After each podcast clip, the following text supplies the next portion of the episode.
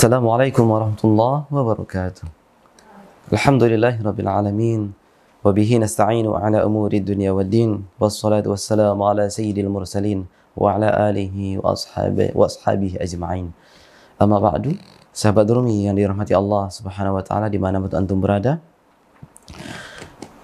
Kita sering mendengar zikir dan satu sisi kita juga sering mengenal mengenal. Ada pertanyaan, manakah lebih diutamakan antara mengenal dengan zikir? Sahabat Rumi yang dirahmati Allah Subhanahu wa taala.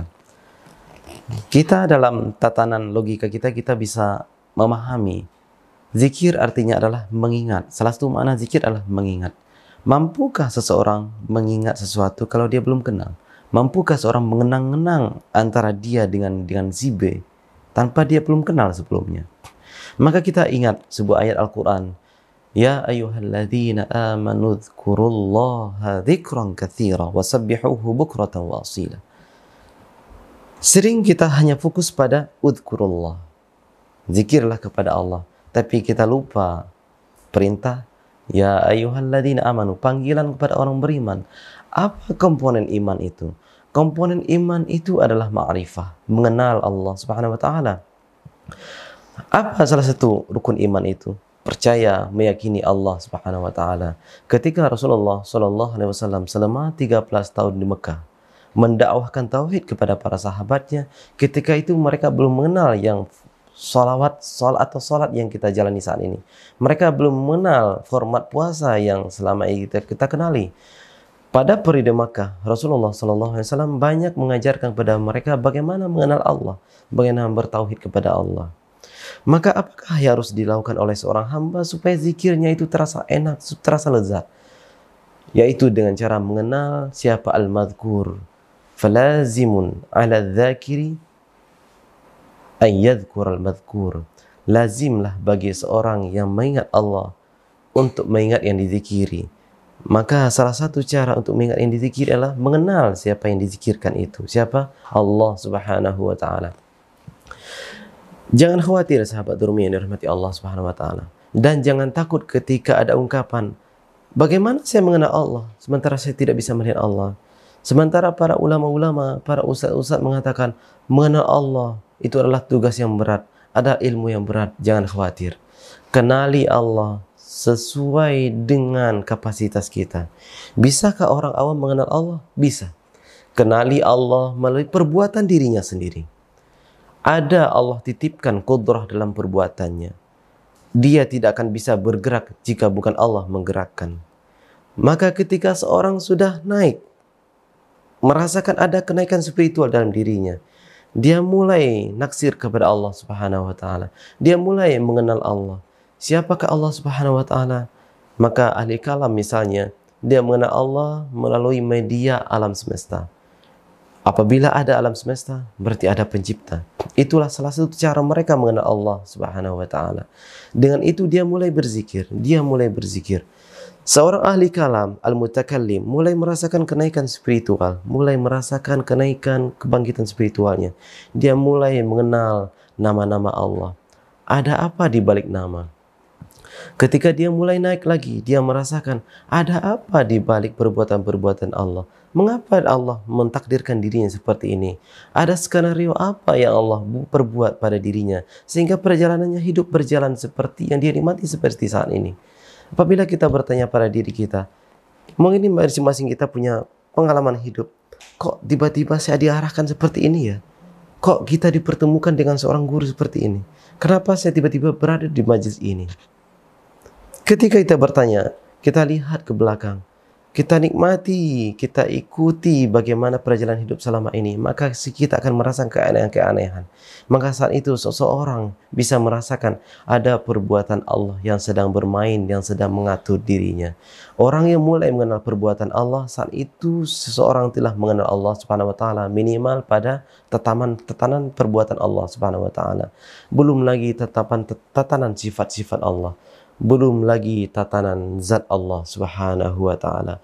Bisakah seseorang berzikir mengingat zat Allah Subhanahu wa taala? Bisa dengan izin Allah.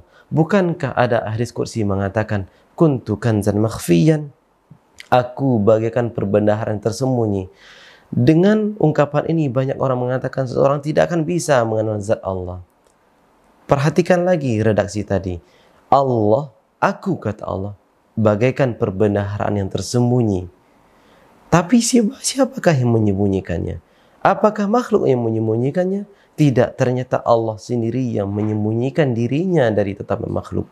Allah yang menghijab seorang makhluk Allah yang memberikan hijab pada makhluk. Apabila Allah yang menyembunyikan dirinya sendiri, bisakah Allah menyingkapkan dirinya? Tentu bisa. Allah Maha Kuasa. Melalui apakah Allah memperlihatkan dirinya pada hamba? Yaitu melalui ruh seorang hamba. Maka salah satu zikir selain zikir kalbu adalah zikir ruh. Tapi ini butuh perjalanan. Butuh tahapan-tahapan. Maka kita mulai dari bawah, mulai dari strata kita, Bagaimana kita harus berzikir? Kita mulai dengan zikir kalimah-kalimah Allah Subhanahu wa taala. Kita sering menyebut subhanallah, walhamdulillah, wala ilaha illallah, Allahu akbar, wala haula wala quwata illa billah. Bahkan lima kalimat ini dapat menjadi pengganti bagi seorang yang tak mengerti bacaan-bacaan dalam Al-Quran. Rasulullah menunjukkan kepada sahabat, ketika seorang sahabat ini tidak bisa membaca Al-Fatihah, tidak hafal Al-Fatihah, dan tidak hafal ayat-ayat Al-Quran. Bagaimana solusinya ya Rasulullah? Rasulullah mengajarkan zikir yang lima ini. Ternyata zikir yang lima ini dapat menggantikan posisi bacaan-bacaan di dalam salat. Ternyata itulah zikir menunjukkan kepada kita bahwa salah satu tujuan salat adalah berzikir. Wa aqimis salata li Dirikanlah salat untuk mengingatku. Maka kembali pada ayat yang tadi, ya ayyuhalladzina amanu dzkurullaha dzikran katsira. Sebelum Allah perintahkan berzikir, siapa yang Allah panggil? Orang yang beriman. Siapa orang beriman itu? Orang yang mengenal Allah Subhanahu wa taala. Siapa orang mengenal Allah? Yaitu orang mengenal Allah sesuai stratanya.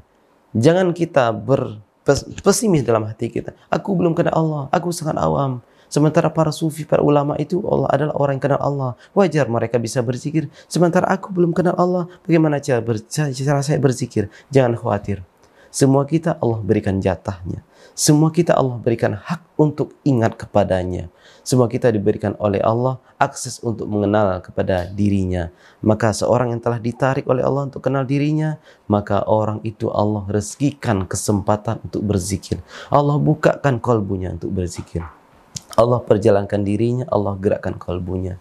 Maka insya Allah orang yang kenal Allah akan mudah baginya berzikir. Jangan khawatir, jangan berputus asa, saya belum kenal Allah sehingga dia tidak berzikir. Jangan.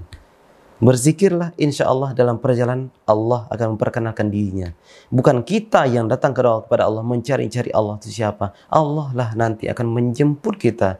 Allah sendiri akan memperkenalkan diri kita.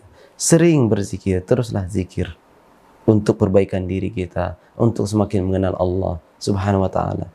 Jalani keduanya, jangan tinggalkan zikir karena karena hanya belum mengenal Allah dan jangan kita tinggalkan mengenal Allah hanya karena kita telah kita telah berzikir.